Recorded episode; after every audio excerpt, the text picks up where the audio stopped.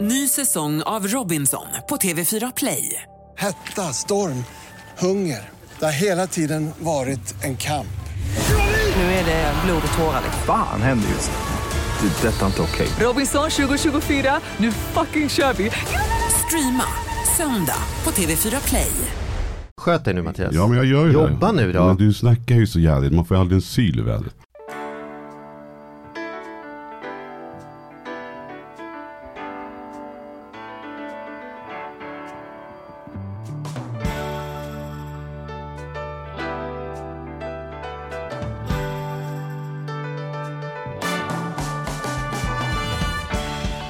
Hej och välkomna tillbaka till Ekonomi på riktigt med Charlie och Mattias. Nytt år, nya möjligheter, är det inte så man säger? Ja, så är det. det. Det är skönt. Du har vuxit i självförtroende och säger så välkommen tillbaka. Du utgår Ja. från att man har hört hundra avsnitt sedan tidigare. Ja, ja, för, Ja. ja. jag tänker de som har hört, de som hör det här nu, de hör Ja. det. Och då Ja.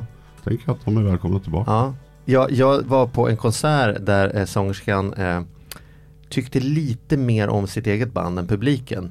Mm. Så hon inledde alla, alla låtar med så här, kan ni den här då? Bom, bom. Och så där drog igång. var det och så-. Ja, Det var lite så här, nej not really. Det är så, så, att, ja. så Ja. det är viktigt när man säger välkommen tillbaka, att man känner att man, men jag tycker, det, jag, jag stödjer dig i det. Då ska vi tacka våran sponsor Compricer som är en, en jämförelsesajt på nätet där man kan gå in och jämföra i princip vad som helst. Och, och göra och spara pengar, inte Ja. bara sitta där och jämföra. Och jag tycker det är häftigt att jag har blivit en Compricer, alltså själv när jag, alltså det är inte för att jag, för att jag har dem som sponsor utan det är så jävla kul att jämföra grejer. Mm. Så gå in och gör det och sen har vi också efter podden är slut här idag så kommer vi köra några snabba tips med Kristina. Som Det är från. Compricer. Det är Mm. alltid bra grejer hon Mm. kommit med. Jag, är- jag är impad av henne. Hon har bra grejer. Och hon är Compricers äh, det, sparekonom. Jag såg, André visade mig ett klipp att en av våra poddgäster ska gifta sig. Mhm. Har, har du sett det? Nej. Nassim. Jaha. Och vet du hur han friade då? Nej. Du, har, du, du har missat detta? Ja det här har jag missat totalt. Nej, då har han tjejen på, på någon så här ryttargala där va? Ja. Och sen är plötsligt ska hon vara kvar i mitten. Då kommer han in eh, ridandes på en så här chariot utklädd till gladiator. Med väldigt kort kjol kan man säga liksom och hjälm och sköld och hela skiten liksom på en arena. Det är, så här, det är så typiskt honom på något sätt. Mm. Hur gjorde du när du eh, friade?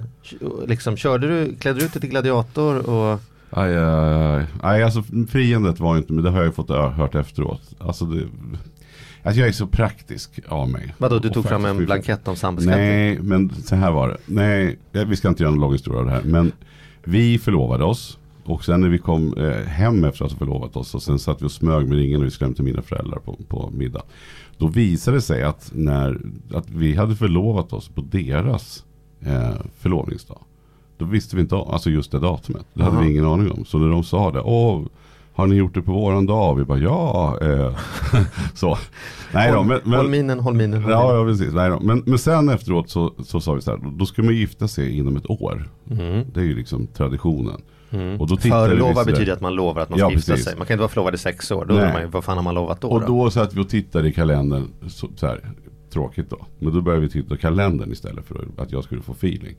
Så då tittade vi i kalendern och så insåg att, att Malins mormor och morfar firade guldbröllop. Passande nog den 18 september. Mm. Och nu då här var vi då i november. Mm. Så, att, så, så då var ju det så här, att hedra dem eh, var ju jättefint ju. Mm. Eh, så det var ju inte så mycket till frieri. Det var ju som att, ja, då bestämmer vi det då. Ja, det gör vi. Och sen var det klart. Men, men det måste, frieriet sker väl innan man håller på att sätta på ringar? Gick du inte ner på knä någonstans på Jo, någonstans sa, gjorde jag det. Fast det var ju, det, vi, Nu hade, dela vi hade ju planerat med det. Vi hade ju planerat det också. Men så här, ja, ska vi inte åka? Så, jo, vi åker till den här herrgården. Ja, men det är så bra där. Ja, ska vi inte förlora. Så man kan säga att Malin regisserade ditt frieri Man kan säga det. Jag har fått en och annan karamell efteråt att jag Ja. kanske inte gjo- gjorde det där så, på bästa sätt. Jag borde väl ha gått ner på Då ska knä. du googla Nassim nu och gå in och titta. Ja. Kan du se hur man kan Just göra det. Ja, men det var ju då när det var den här Stockholm Horse Show. När du säger det. Precis. Ja. Ja. Snyggt. Det, det var något i hästväg. Det, visst. Förlåt. Nu, nu ska vi ju prata eh, säkert någonting som kan uppstå kring jul och nyår. Men som kanske kan uppstå alltid. Och det är någonting som är ganska tungt ämne egentligen. Fast ändå väldigt spännande. Som heter pengastress. Pengastress.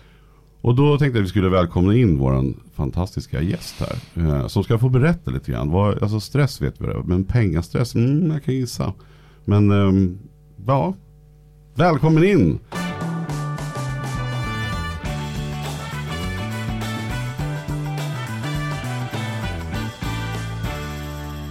Stina, Söderqvist!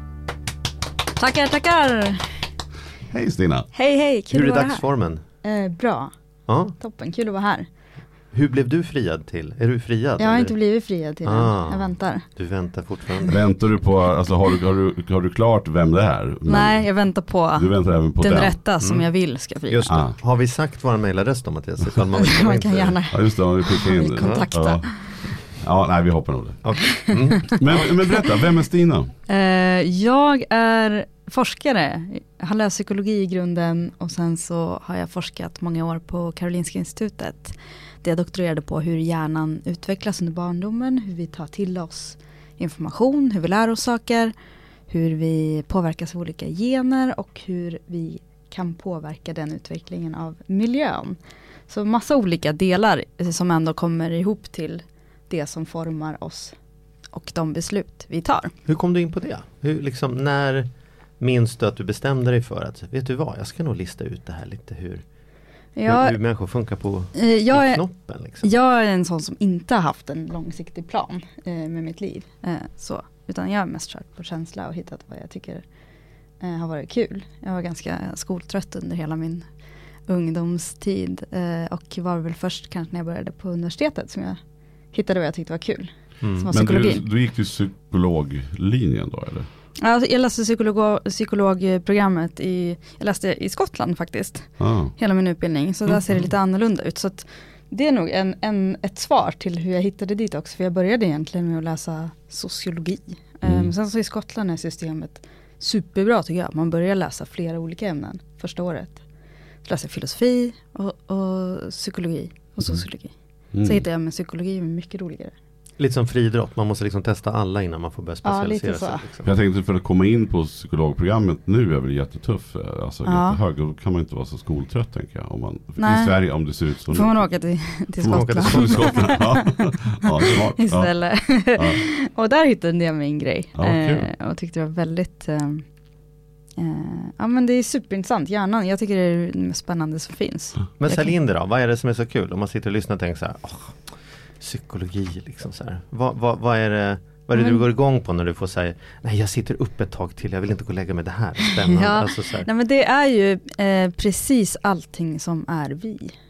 Alltså det är hur vi tänker, vad vi känner, vad vi gör, eh, hur vi förstår saker. Alltså det, allt utgår ju från hjärnan. Mm. Eh, och den är liksom det mest komplicerade, komplicerade saken som vi vet om. Mm. Eh, och vi, vi är den saken. Alltså det är så otroligt. Eh, liksom filosofiskt är det väldigt spännande. Och sen så när man kommer in i det och börjar lära sig hur den fungerar så är det ju helt otroligt kul. Nu vet jag inte om jag säljer in det så bra för Jo, att det kräver att man lite, eh, ja man kommer in lite på det. Men, tänk- nu det handlar ju om att Tänker du att vi är hjärnan? Ja men det är vi ju. Det kan du väl inte bestämma å världens vägnar? men jag tycker det. Jag Du, tycker när du identifierar, var sitter du? Då är det hjärnan. Ja.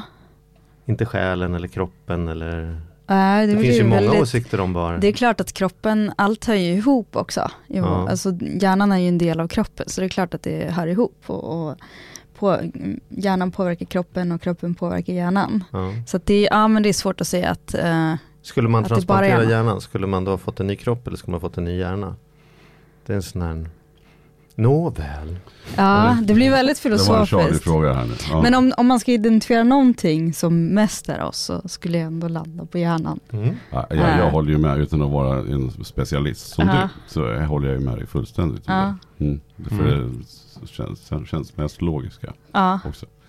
Men, men vad, hur, hur påverkas vi då? Hur, hur mycket har vi påverkats av? För vi, det här är ju en ekonomipodd. Vi snackar om ekonomi. Och där är det ju just det här med, med, med pengastress. Alltså att många man får nästan som fobi för räkningar. Och man tycker det är väldigt svårt. Och många resonerar ju som att ja, jag var så dålig på matte så jag kan inte ekonomi. Den hör vi väldigt, väldigt ofta. Fast vi Mm. tycker att det hör ju inte ihop. För att Nej. ekonomi är ju faktiskt lite enkel plus och minus årskurs ett. Egentligen. Mm. Eh, har du någon kommentar till det? Ja, men det, alltså så som jag ser det så handlar ju framförallt vår privatekonomi väldigt mycket om våra beteenden.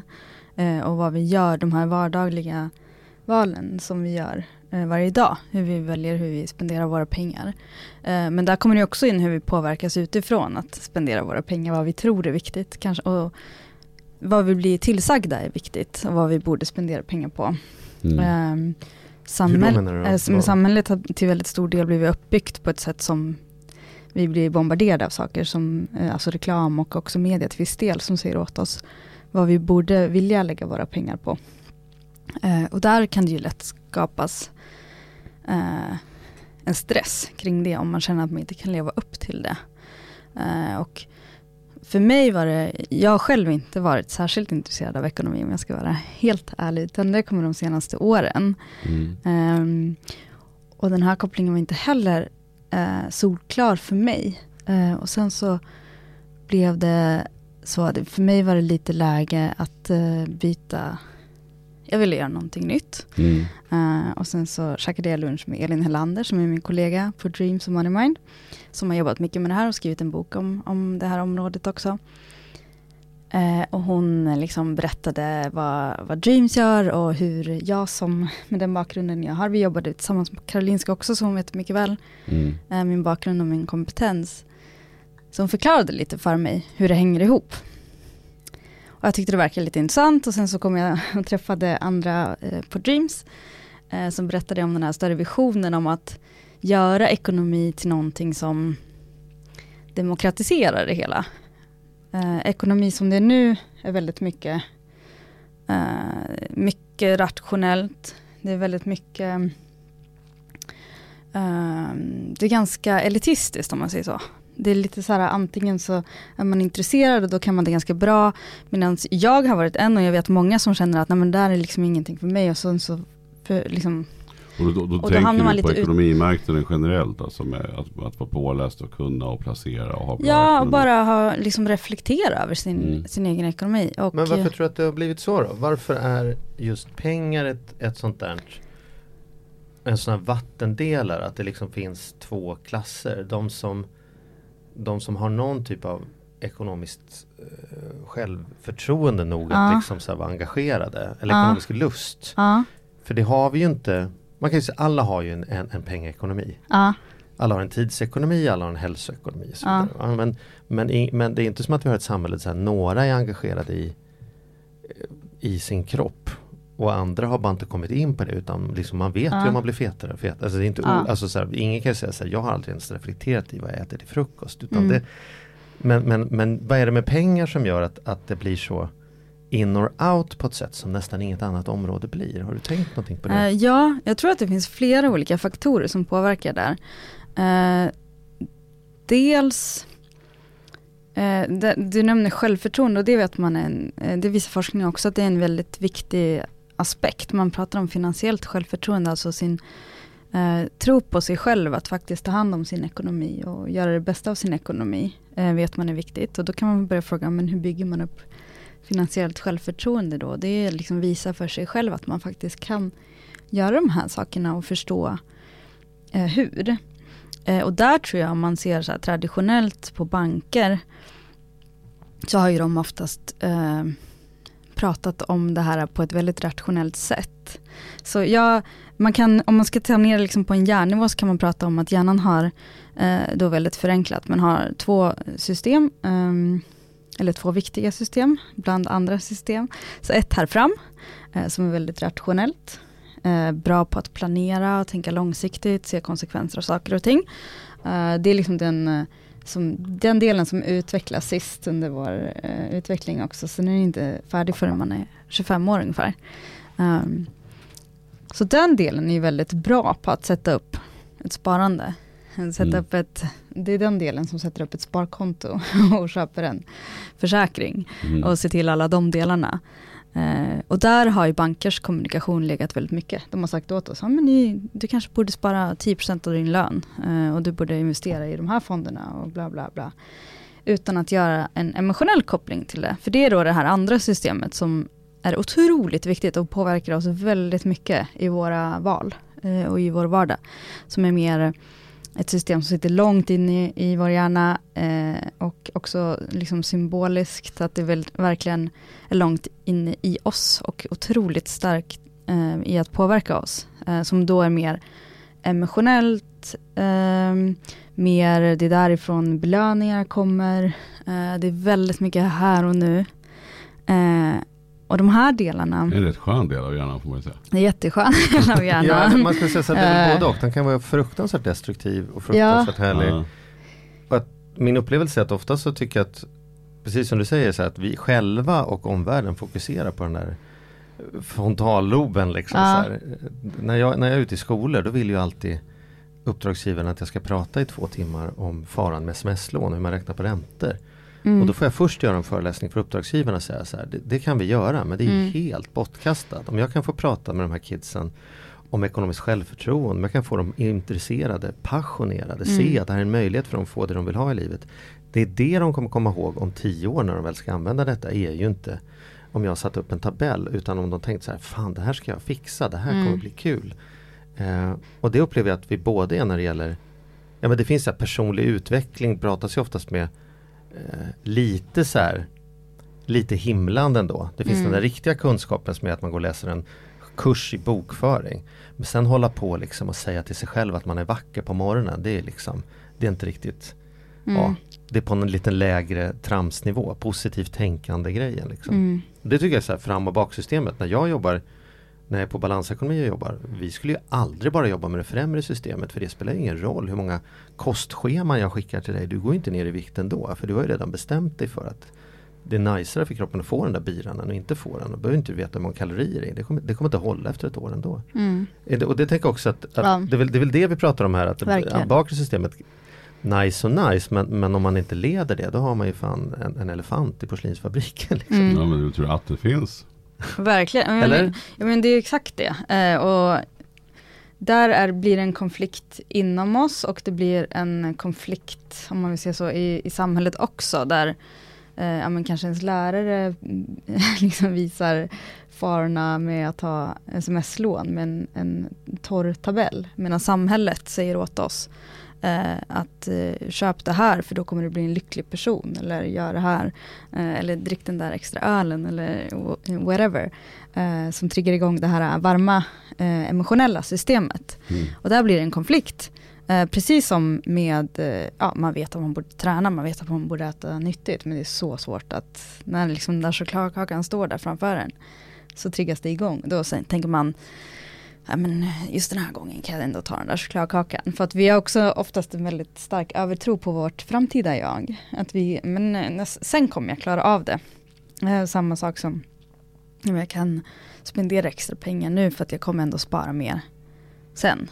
Så här tror jag att det, det har blivit liksom en, en miss, miss i kommunikationen och det var det som Eh, för att komma tillbaka till den fråga som du ställde för länge sedan, vad, Mm. vad det här har med, med pengar och, och stress att göra. Eh, att man börjar förstå det här mer nu, hur beteende och psykologin och det, det hållet jag kommer ifrån faktiskt påverkar ekonomin. Och det har ju också lyfts upp med mycket av de här beteendeekonomin och, och Richard Thaler och, Daniel Kahneman som båda har fått Nobelpriset och så.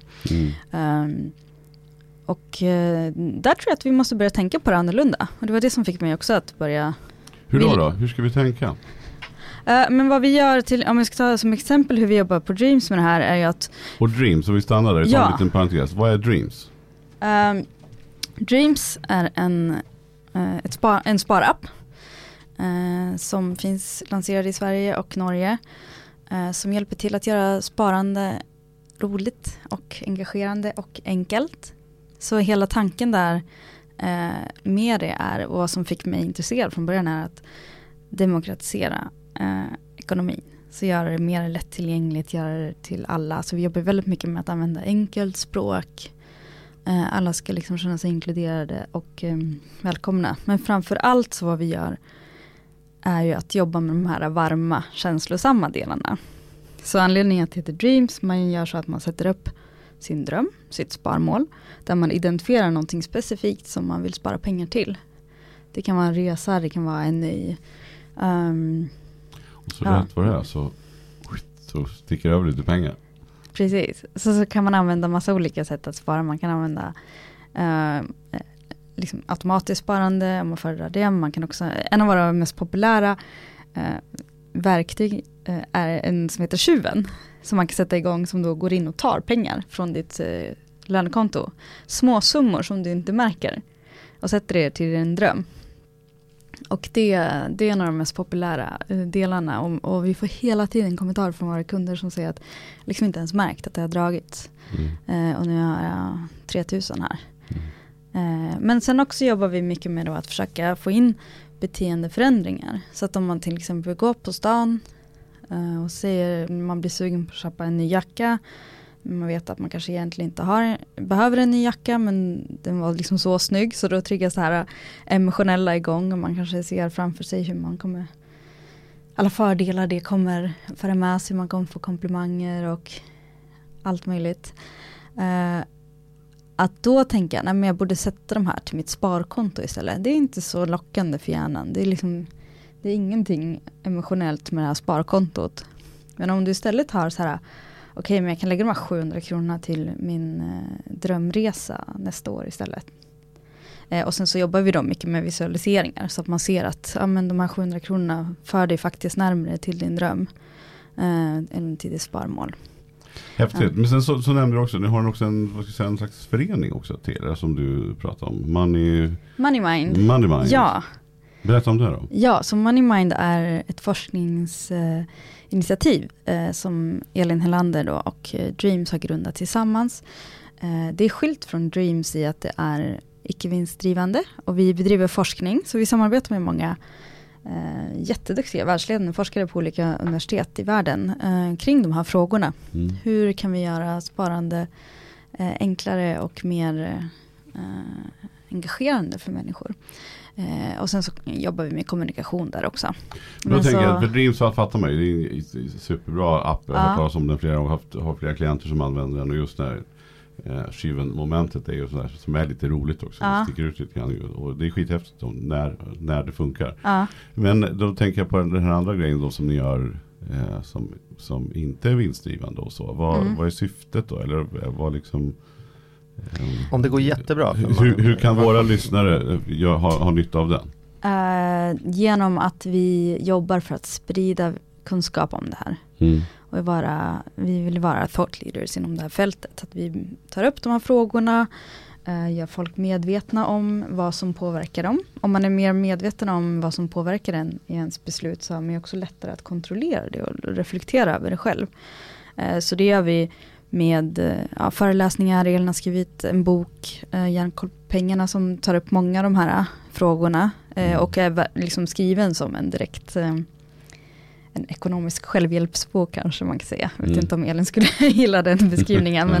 men, eh, eh, och sen så forskningen handlar ju om att förstå, förstå det, det här bättre så att vi kan utveckla produkter ännu bättre i framtiden. Eh, Men, Men- ja, förlåt. Jag bara fråga, vad, vad, hur har det gått för dig? Alltså, vad har du kommit fram till? För du sa ju att du inte var så ja, ekonomisk på det sättet tidigare. Ja. Vad, vad, vad har hänt i din ekonomi? Eh, den har blivit bättre. Jag har gått från att vara ganska slösaktig till att ändå vara mycket mer medveten. Eh, och reflekterar, jag reflekterar otroligt mycket mer över hur reklam påverkar mig, över hur jag liksom köper det här slit och släng eh, samhället som man väldigt lätt fastnar i. Eh, och det hjäl- har hjälpt mig att förstå, alla, eller de flesta vet ju det här med att ja, men många bäckar små. Eh, Mm. Det blir en stor summa till slut, men det är väldigt svårt att förstå det. Eh, på riktigt, att Mm. faktiskt se det i Inte sitt bara liv. i pannan utan i Ja. bakhuvudet också. Precis, och det har Mm. jag blivit bättre på tycker jag. Och sen så har jag liksom väckt, nu känner jag, jag är jättepassionerad kring det här området nu. Jag tycker det är så otroligt viktig del från samhällsperspektiv också.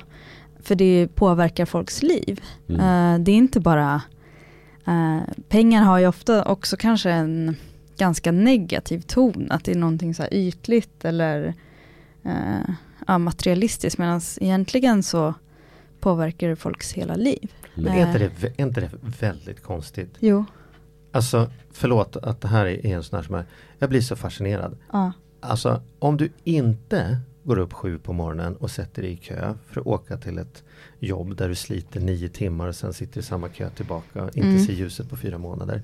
Då är det något fel på en. Det är det du ska göra. Mm. Varför gör du det? Därför att du vill ha pengar. Mm. Men om man lägger en kvart i månaden på att titta hur det går för de där pengarna och ser om jag kan ta hand om dem bättre Mm. så att jag slipper gå upp tid på morgonen och kanske kan, kan åka hem vid lunch. Mm. Ja, då är man plötsligt girig. Mm. Alltså, jag, jag fattar inte hur det här samhället blev att det, är så, att det är så fint att jobba ihjäl sig och så fult att säga så här, vet du vad, jag försöker vara lite ångrig omkring mig så jag slipper jobba ihjäl sig. Mm. Jag, jag kan inte förstå hur det kan vara girigt att, att ha lite koll på sina fonder 2018. Jag tycker det är jävligt girigt att ha ungarna på dagis 11 timmar om dagen Mm. bara för att man inte lagt en kvart på att kolla på sin ekonomi.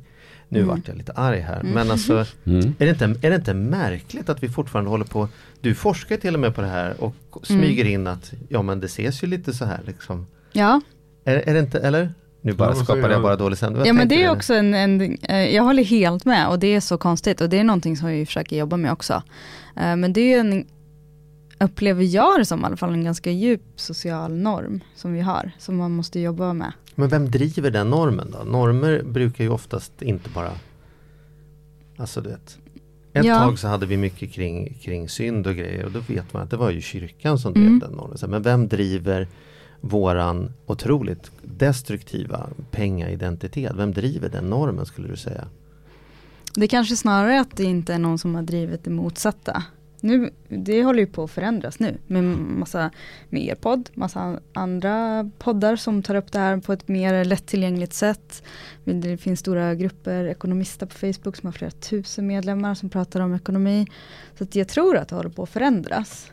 Eh, Så det kanske är snarare den här bristen på att det inte har drivits tidigare. Mm. Eh, Men att det kommer börja drivas nu. Det är Det den finns här en- gamla sven, svenska normen att man ska minsann jobba och göra rätt för sig och betala en gång i månaden. Och, och gör man inte det då var det de som var rika, då var det grevar och baroner som stack ut. Och så mycket pengar kunde man aldrig nå i alla fall. Ja. Alltså det är väl den gamla liksom, kulturen som hänger i tror jag. Alltså om jag skulle, jag håller med dig och skulle jag vara lite så här dystopisk här så kan man väl säga att det finns ju inte jättetydliga incitament för samhället Nej. att vi ska bli passionerade sparare. Alltså vi lever i en samhällsmodell som bara har en enda lösning för att överleva, det vill säga tillväxt. Mm. Och det betyder att vi måste köpa mer och mer och mer så att det kan säljas mer och mer så det kan produceras mer och mer. Mm.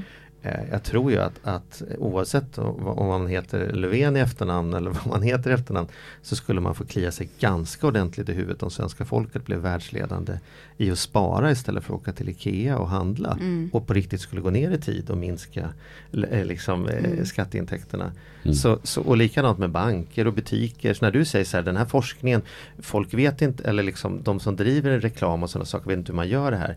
Är det inte så att man vet mycket väl hur man triggar folks liksom Jo, baksystem. Ah. Men man väljer att göra det på låneavdelningen på banken där man har planscher Ah, där man ja. sett att man har ritat till en utbyggnad på huset. Man, är jätte, man ritar till båten nere vid bryggan. Så, så, så vet man ju exakt vad man ska trigga på för att få människor att gå in och låna pengar. Ja. Men man gör inte motsvarande reklam på sparande därför man vill inte att människor ska ha 200 000 på sparkontot. Liksom. Det, det är en dålig affär för Ja, banken. Eller? det Är ligger jag- nog mycket i det. Här, nu, Nej men jag, jag tror att det ligger jättemycket i det och eh, absolut reklambranschen, spelbranschen och eh, snabba lånbranschen, kreditlånsbranschen. De har ju fattat det här. De gör ju eh, liksom, de vet ju exakt hur man spelar på de här varma eh, känslomässiga delarna Mm. eh, som tar över. Och det är Mm. därför vi ser också att kreditlån ökar. Eh, och folk inte riktigt eh, klarar Och av att spara. Men, Men, det, här med, eh, det här med stress då, är, det, Ja. må- är det många som mår dåligt i, i det här? Alltså Ja. ska vi säga att peng, pe- pengastress är ett, ett stort problem i, i Sverige idag? Ja, eh, det skulle jag verkligen säga. Det blir det oftast när man, för att de flesta, allra flesta, det finns undersökningar som visar, ja men eh, om jag tror att det är 90% tycker att det är viktigt att spara. Man vet om att det är viktigt att spara. Mm. Sen kanske man känner sig osäker på hur man ska göra det.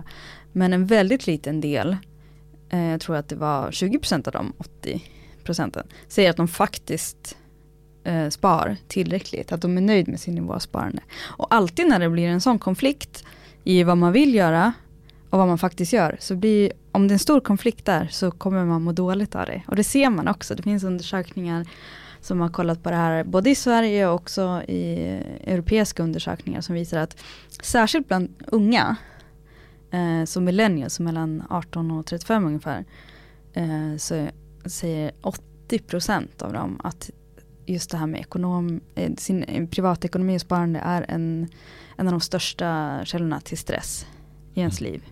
Så Och stressen det är liksom- är egentligen inte pengarna, eh, inkomster eller utgifter eller att det är svårt utan stressen är upplevelsen av att man å ena sidan vet att man, att man borde vara mer, eller man känner att man borde vara mer påläst Ja, men man läser inte på. ja, Man känner att man borde spara mer men man sparar inte. ja, Man känner att man borde ut och springa men man sitter hemma framför tvn. Alltså att det, det är den här diskrepansen exakt. är det så man kan tänka generellt sett när man upplever stress i sitt liv? Så här, hmm, vad är det jag gör annorlunda än det jag innerst inne vet?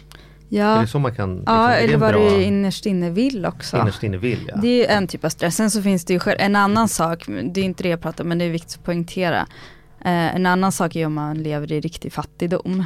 Eh, Mm. det blir en annan typ av stress. Mm. Ja, Eh, såklart, ja. Precis. Ja, så att jag vill bara poängtera att det är inte det jag pratar om. Utan jag pratar om den här stressen som kommer av att man känner att man inte har kontroll över sin ekonomi. Man känner att man, man kan tjäna hyfsat bra men pengarna är slut varje månad. Man har Mm. inte satt upp pensionssparande. Det är just de här långsiktiga sparandena också som är som oroar människor mest och där Mm. de känner att de inte har kontroll. Eh, och i samma undersökning såg man också att eh, jag tror 20% kände att ja, men min bank eller de som jag har mina pengar hos, de förstår mig och mina behov. Det är bara 20%, det är ju eh, jätteliten Mm. siffra. Mm. Så att man känner att man har inte kontroll och man får inte riktigt rätt hjälp. Och det är så, eh, i samma undersökning jämförde de då med eh, till exempel hur, hur mycket man oroar sig för sin och sin, sig själv och sin familjs hälsa. Eh, och det var bara hälften så många som kände sig oroliga över det. Eh, och eh, 8% som oroade sig över terrorism och våld och sådana saker. Så det är verkligen, den här ekonomiska stressen är super eh, alltså vanlig.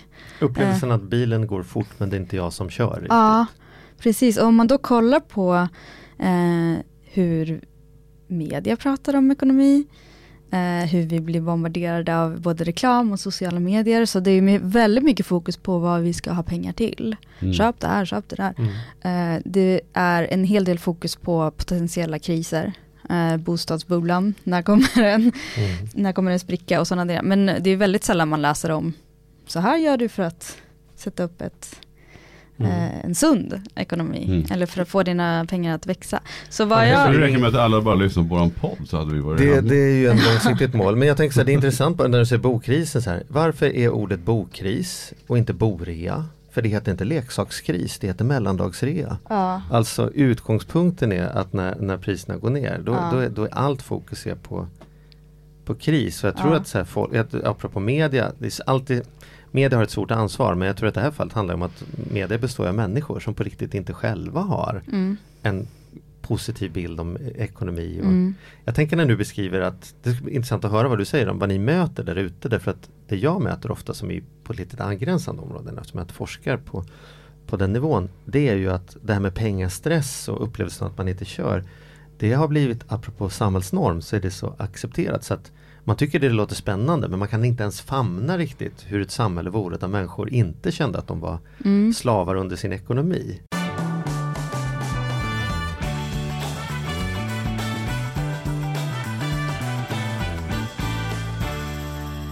Men, men finns det några genvägar om man, om man har pengastress? Om man är väldigt stressad över sin ekonomi? Mm.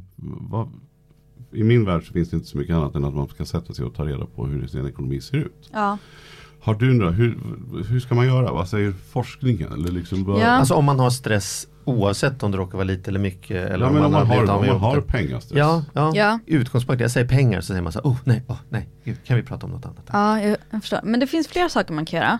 Eh, en sak som forskning prat, har kollat ganska mycket på är det här choice overload. Också att så här, det finns så mycket val eh, att göra. Också hur man ska investera sina pengar. Eh, och hur man ska spendera sina pengar. Så ett steg där är att försöka begränsa, begränsa sina val in i mindre kategorier. Mm. Eh, Så till exempel om det handlar om spenderande så kan man ta gör en budget där du gör så tydligare olika, ganska få kategorier och liksom gör upp hur mycket du vill spendera i varje kategori. Så får du också lättare att förhålla dig till det. Istället för att varje gång du råkar gå förbi en affär behöva göra ett beslut. Att så här, ska Mm. jag köpa den där eller inte? Eh, då har du redan försökt. Några är redan bortsorterade liksom. Ja, precis. Ehm, så det är ju ett sätt att försöka undvika liksom, onödig uh, frestelse också som kickar igång det här emotionella belöningssystemet. Eh, men sen så, så vad vi jobbar mycket med då också på Dreams och som man kan göra antingen genom att använda appen eller göra det bara för sig själv är ju att, gör, att få minska den här konflikten eh, genom att också göra det här kalla, eh, det här rationella sparmålet, göra dem lite mer emotionella. Och det handlar ju om att fundera på exakt vad vill jag använda mina pengar till? Vad är viktigt för mig? Vad kommer ge mig glädje i livet? Det kan vara en, en dyr handväska, eh, det kan vara, men det kan också vara en buffert för att om jag har en buffert så kommer jag ha mindre stress i vardagen. Um, så det, där finns ingen värdering, det är upp till var och en vad man vill göra med sina pengar. Men, är att man verkligen svårt- funderar på ja, vad precis. sådär, Men om vi, bara, vi, vi hänger kvar lite vid den frågan. Ja. Så, så, eller vid det ämnet. För jag, jag känner så här att, att många inte riktigt vet själva vad de vill göra med sina Nej. pengar. Därför de får så mycket, så mycket inspiration utifrån. Ja. Många pratar om att resa så här, en blå strand som det är. Alltså så här, vit sand, blått hav. Ute på någon sån här Alltså det är på något sätt målas det ju upp som att resa och resa långt och resa Ja. hela vägen.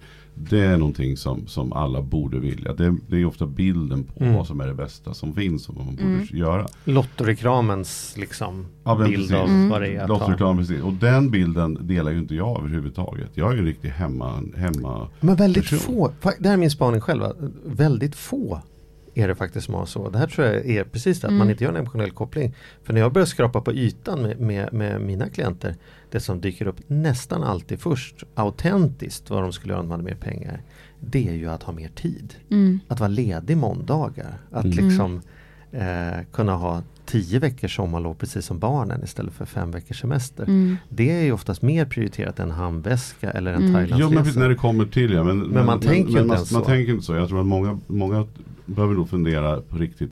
Vad är lycka för mig? mm, Det kanske inte är att man måste åka till Thailand och, och dra iväg med barnen. Det kanske funkar att åka upp till Norrland och göra någonting. mm, Eh, vara tillsammans, ut och fiska, sånt här vi pratade om tidigare. Men, men det är inte så sexigt och inte så, liksom, så schysst mål att sätta upp för sig själv kanske man tycker.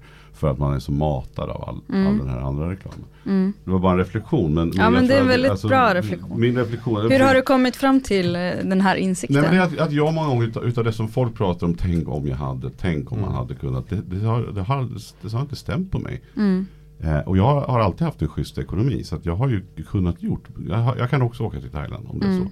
Men jag väljer att jag, jag känner att jag väljer att göra någonting annat för Mm. pengarna.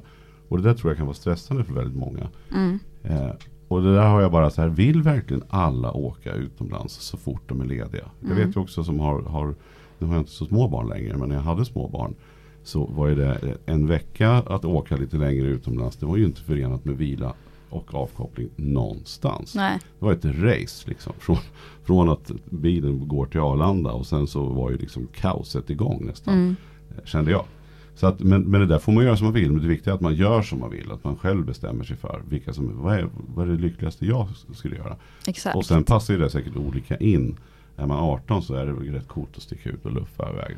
Tågluffa eller något. Då när man är, när man är 35 år eller 30 och har mindre barn kanske man inte gör just det då. Men var Mm. sak har väl sin tid då. Mm, Men är det inte också där, det emotionella du pratar om här, Mattias och som vi är inne på här att, det är liksom lite utflippat. Man går ju inte på ett bankmöte. Nu har jag ju, i och med att jag har, har en, en, en lägenhet som jag, som jag berättade tidigare som jag har köpt så har jag ju träffat lite banker och sådana saker. Använder faktiskt Compriser för att sätta upp mig på några grejer. Så nu ja, Mm. kan vi ta, prata om det en gång. Men, men eh, det första de säger är ju inte att de tar mina händer och säger så här Charlie, vad är din dröm? mm, Jag kommer vara din, jag kommer vara din ekonomiska PT nu här. Jag är Mm. din bank. Berätta för mig. Vad gillar du i livet? Vad, utan det är ju, ja fonder ser ut så här, du får max 85% belåning. Så ja men det är lugnt, jag ska inte låna så mycket. Nej, för vi kan inte göra mer än något. Nej, jag, det är Mm. bra, för det ska jag inte ha. Nej, så att jag vill betona att baserat på det här kan vi bara, alltså, men hallå, hallå, lyssna på mig. Jag, så att, att gå därifrån, sätta sig med, och, på riktigt ställa sig, för, jag tror ju väldigt få människor har fått en seriös fråga annat efter lite för mycket rödvin. Liksom, vart, vad, vad, vad skulle, om, om vi hade fått ett enormt genombrott i din ekonomi här, vad, vad hade du velat använda det till? Mm. Sen tänker jag också på det du sa apropå att göra de här rätta valen, att plocka bort de sämsta eller liksom minska mängden val. Mm. Finns det inte också någonting just med ekonomiska beslut som gör att vi är så rädda för att göra fel beslut? Ja. Om man jämför med hälsa då, nu är mycket hälsojämförelser här, men om vi pratar om fysisk hälsa så är vi ändå så här Är du nu säker på att 5-2 är världens absolut bästa diet? Är du ingen som säger utan jag kör den, det verkar funka. Mm. Jag testar den ett tag. Men när det kommer till sparande eller sådana saker så är det som att folk sätter inte igång ett fondsparande för de är så rätt, rädda för att de skulle köpa fel fond. Mm. Och då är det på något sätt då är det okej att lägga pengarna på sneakers and stuff Mm. hellre än att ha en fond som går ner 5% så köper man kläder som går ner 95% Mm. för att man är så rädd att stå där som en idiot och säga jag köpte jag Exakt. satsade på fel aktier. Ja. Vad tänker du om det? Ja men eh, jag tror att det är väldigt, det finns flera aspekter där. Dels så om man köper någonting, om du köper de där skorna istället så blir det någonting konkret då. Så du får den här belöningen på en gång. Eh, så att då vet du i alla fall att ja, jag hade i alla fall ett par skor i ett år. Mm. Eh, Medan med aktierna eller fonderna så är det mer osäkert då. Så det är den här äh, rädslan för risken också som är- rätt vanlig. Särskilt om man känner att man inte har så bra självförtroende och liksom litar på sin egen kompetens. Men sen finns det, jag var på äh, en konferens på det här ämnet i Amsterdam för några veckor sedan. Där var det en forskare som föreläste om det här. För vad de hade gjort var att de hade kollat på folk som går till ekonomiska rådgivare eh, som hjälper dem att investera sina pengar. Och de såg då, och så jämförde de vilka som går till ekonomiska rådgivare och vilka som inte gör det. Och först och främst så såg de ju att det gick ungefär lika bra för dem. Eh, båda grupperna, oavsett om man hade en ekonomisk rådgivare eller ej. Eh, det visste många också om. Eh, så det var inte så att de verkligen trodde nödvändigtvis på att deras rådgivare var eh, liksom i, klarade av att investera pengarna bättre än vad de kanske själva hade gjort. Men vad de hittade då när de grävde lite djupare var just den här eh, att det är ett överlämnande av kontrollen, överlämnande av, av ansvaret framförallt. Att Mm. går det dåligt så är det inte mitt fel, det är ju den här rådgivaren eh, fel. Eh, och att det var en väldigt starkt drivande faktor i varför folk använde de här rådgivarna från början. Mm. Mm. Så det är superintressant för att då, ja, men då behöver du själv inte stå för det här misstaget då, som du kanske är rädd för ska ske. Om det inte går så bra som... Men om jag, ska leka, om jag ska, nu ska leka lite hobbypsykolog. Om jag skulle se vad du tycker om det. Ja, Jag tänker att, här, och det har vi liksom snackat en hel del om tidigare också i podden. Men om man har risig ekonomi eller man känner att man inte har koll eller man skulle vilja bli bättre.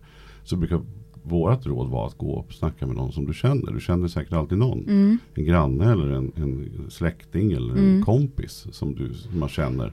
Eh, så upplever vi att dels att det är nog väldigt sunt att snacka med den. Plus att vi tror att kompisen eller grannen eller släktingen också blir väldigt glad och Mm. ser uppdraget så att det är stort att man kan prata om det och, Mm. att, och att de gärna skulle hjälpa till. mm. Eh, skulle inte det vara en ganska enkel väg om man behöver hjälp? Vad, vad tror du om den? För man måste också börja lista ut då vad, hur det ser ut för en själv. Om man ska Ja. kunna förklara för någon annan måste Ja. man kunna Precis. förklara för sig Både själv. det, så att man får reflektera själv. Eh, och att man också kan inspireras av varandra. Mm. Men hur gör du? Hur, har du tänkt på det här? Och Mm. hur mycket hur gör du för att spara pengar eller spar du pengar? Um, kanske visar sig att eh, kompisen som verkar leva ett så himla rikt liv egentligen är jättehögt Väldigt många skuldsatt. sms-lån. Och, Ja, Mm. precis. Så att man får gräva lite djupare och, och också eh, föra in det här med eh, liksom pengar i samtal mer generellt. Som till exempel, jag och några kompisar ska åka till Italien i vår. Eh, och då har vi satt upp ett sparmål tillsammans eh, som vi gjorde i, i, ja, i höstas tror jag det var. Så vilket också gör, har gjort att, för det, vi brukar åka på en resa varje år. Eh, men vi har aldrig förr pratat riktigt om pengar. Mm. Men nu är det så här, okej men hur mycket kan det tänkas kosta? Och så här, okej då behöver vi spara så här mycket. Och sätter vi upp det och så följer vi och så pratar vi om det. Så här, hur mycket har du fått ihop och så här. Ja, Så det blir en helt annan, då blir det en del av processen. Ja. För det kan också vara väldigt svårt att säga så här, om det är någon då som känner, att jag skulle vilja åka på någon billigare resa, jag har inte så mycket pengar nu, eller jag vill spara till någonting annat. Eh, det är svårt att få in det om, det inte, om man inte Ja, naturligt då kan det ju pratar bli om. pengastress. eh, Ja. Liksom, verkligen. Om, Och, och vi påverkas ju otroligt mycket av folk runt om oss. Mm. Eh, både reklam, men framförallt så här sociala medier där man också kanske då tror att det är men ska eh, man, ska relaterbara. man så här, vad tycker du då? Ska man lägga sig i någons ekonomi? Eller ska man, det känns ju så svenskt att ekonomi, man Ja. håller det för sig själv och man ska inte prata om det. Det är nästan fult att fråga någon. Eh, Ja. Men om är ditt tjejgäng nu. Om du, om du så här, så här, har dina tentakler ute och så någonstans känner du att fan, hon kanske inte de kanske inte riktigt vill åka till Italien. Det kanske Ja. blir lite för dyrt. Ja, Eller hon behöver hjälp nu om hon ska ha råd i Bra, vår. Annars kommer hon försöka låtsas att hon är förkyld när det blir dags. Liksom. alltså det, ja vilken bra fråga. Eh, jag tror att jag, kan, jag skulle nog inte ta upp det jätte, alltså så här direkt. Jag vet faktiskt inte. Det var en jättebra fråga. Alltså om jag Mm. bara tänker på mig själv hur jag skulle agera. Mm. Eh, det är också svårt. Jag, generellt kanske man inte ska lägga sig i, så, i folks liv om de själva inte bjuder Man in till säga det. så här, se till om du vill ha hjälp. Jag Men, håller ja. på och forskar som du vet med Ja. pengar och, och jag, kommer, jag har sett så himla mycket roligt nu. Säg till om du skulle vilja Ja. bolla med det. För att det, det, jag har Jag- sett så mycket nu så. Jag, tror, jag tror mycket mer på att om man själv pratar om saker, Mm. vågar öppna upp saker och reflektera över sig själv så kommer man också bjuda in till att andra kommer våga göra det med framöver också. Just det, det kan vara ett Um. smart sätt att, att hjälpa någon som man känner är att man kan börja prata om det själv och sin egen ekonomi lite grann kanske. Ja, Men jag tänker det du är inne på här, första steget kanske är att göra det där öka mängden liksom, ekonomi det pratas om. ja, Nu ska vi åka på den här resan i vår. Så Ja. här, så då, då bara, bara man behöver inte säga jag tycker det är svårt eller jobbigt eller jag har ångest. Utan man kan bara säga det är 18 000, spännande. Jag ska se om jag kan spara ihop 18 000 Mm. till dess med nya pengar. Mm. Eller vad det är. Och sen så kunna bara skicka in i den här Messenger-gruppen. Hoho, nu sålde jag en cykel uppe i 2 och 2. ja, Och liksom så här, så Ja. bara så att det blir en naturlig sak att prata om. ja, Och sen så, för det tänker jag, det är en av en lyx jag har. Som jag, jag gissar att jag tjänar oerhört mycket pengar på. Att folk vill prata ekonomi med mig hela tiden. Så jag får Mm. så mycket bra tips och jag får ge tips och folk säger så här Har du gått in i den här aktien? Vad tycker du om det här? Ska man Mm. göra så här eller så? Och ibland får jag kolla upp det och ibland säger jag bara att jag inte har någon aning. Men, men jag behöver ju inte sätta mig med några doktorsavhandlingar som du har skrivit och läsa dem för att få reda på vad som pågår. För det är ju en högst naturlig sak som jag pratar om som jag inte behöver gå in i några speciella whiteboardrum och prata Mm. utan folk vill och tycker att det är ganska naturligt att prata ekonomi kring mig och jag tycker inte det annorlunda än att prata mode eller prata mat, att prata Nej. liksom Nej, fondsparande. och det är helt otroligt som, som man själv känner sig att hålla sig ajour tack vare att vi gör den här podden. Vi är Ja. långt ifrån experter på de allra flesta områdena. Men Mm. bara det att man kan ta in och snacka om det så, Mm. så, så får man ju Mm. ta till sig och lära sig. Som det var idag till exempel. Det var superintressant att ha dig med. Mm. Eh, jättekul att vara kul. här. Man börjar tänka så här, man går igång med så här. Så här man mm, mm, ska jag Mm. tänka på. Mm. på. Ja. Mm. Ja, fantastiskt kul. Så, och sen då får vi slå slag för att man kan testa appen Dreams. Mm. Eh, Ja, och sen Den kan man gå in på andra sidan. Installera Man, en tjuv i sitt liv. ja, precis. Ja, Ja. prova tjuven. Stina, stort tack för att du var med oss. Tack så mycket. Tack.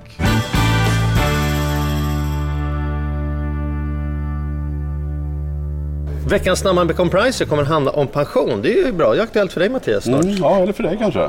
Det är närmare för dig ändå. Alltså, det är mar- marginellt. Okej, Kristina berätta. Hur ska vi tänka här?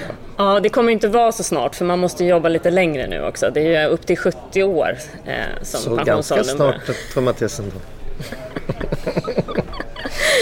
Ja, men för att få en bra pension så ska man tänka på att man ska börja jobba tidigt och gärna heltid om man kan. Ja. Självklart finns det eh, tider och eh, personer som vill jobba halvtid och sådär. Men då kan man tänka på om man är ett par till exempel och ena tar hand om barnen mer så kan man kompensera varandra. För det är ganska mycket pengar som försvinner där om man inte jobbar heltid. Och det bör man räkna på liksom. Kolla Ja, ordentligt. jag tycker det. Det är rättvist liksom. Bra. Vad kan du säga mer då? Vad ska man tänka mer? Ja, något som också är väldigt viktigt. Alltså, vi får ju alla allmän pension Och den baseras på din lön och det är därför det är eh, viktigt att jobba heltid för då får du mer pension. Men sen får, man, får de flesta också tjänstepension. Och det är viktigt när man söker ett jobb att man ser till att det finns tjänstepension. För om man inte har tjänstepension och bara allmän pension då kommer man få leva på mindre än hälften av sin lön när man väl går i pension. Och det är ganska stort. Och det betyder att företaget, om man anställer, att de pytsar in Precis, en pott till. precis. Det är som är i en löneförhandling så, så är det också så här, jag vill också ha en tjänstepension. Exakt, exakt. Och om man inte får det så måste man liksom kräva högre lön och helst försöka spara själv då. Och pensionsfrågan har, eh, gick ju omkull för några år sedan när alla bara pratade om PPM och missade tjänstepension. Var Ja, mycket större påverkan Exakt, egentligen. exakt. För premiepensionen är så pass liten. Och där behöver man inte ångest heller. Det är viktigt. Det är många som inte har gjort ett val och ligger i den här berömda soffan som det heter. Och då behöver man inte ångest. Det är väldigt bra val. Mm. Så om ni inte gjort något val där, ligg kvar. Det är inte ofta man för den. Nej. Nej, kvar. så- så- Man ska i ofta vara aktiv, men nu kan man ligga kvar i Ja, soffan. bra. Ja. Flera råd. Hur tänker man då på det man ska välja med sin pension? Då? Ja, precis. Det är viktigt att se över avgifterna. För att eh, Pensionsmyndigheten har, har jämfört om man har ungefär 1,5 procent i avgift på sin pension. Det kan göra att man får 40 procent lägre pension när man går i pension. Alltså avgiften är oerhört viktig ofta har man en avgift på själva skalet, liksom, eh, försäkringen pensionen ligger i, men också fonderna som man har där. Så det är viktigt att titta på det här. För jag har sparat till pension jättedåligt, jag har slutat med nu, där, där summan bara gick ner och ner trots att jag sparar mer och mer på grund av avgifterna. Så se över avgifterna och be om hjälp från någon bank eller någonting och titta på det här. Går det att få ner avgifterna? För de äter ofta upp kapital. Hur mycket avgift tycker du man ska ha? Finns, kan man säga någon sån här, det här är Jag tycker fond... som vi hade med fonderna, var ju 0,6 Ja, man om. bör ha låg avgift för fonderna och sen så bör man titta på att den här årliga avgiften inte är så hög. Man får jämföra bland andra alternativ helt enkelt. Mm. Den här tjänstepensionen som du pratar om, hur, hur, hur stor del, hur ska man veta hur mycket man borde begära av sin arbetsgivare? Ska man titta på vad, vad de fack fack, hur facket Det gör? tycker jag. Liksom Kontakta det- facket och fråga vad den vanliga eh, lösningen är. Ofta har företagen eh, ett kollektivavtal och följer det då. Då kan man se hur mycket det är. Och det är ganska mycket pengar. Så, att, eh, så det är viktigt att, att se över. Men har inte bolaget ett kollektivavtal så ring facket och fråga. Man kan ändå fråga vad, är, vad borde det ligga Vad på? borde det ligga på? Precis, då vet man. Tack! Tack.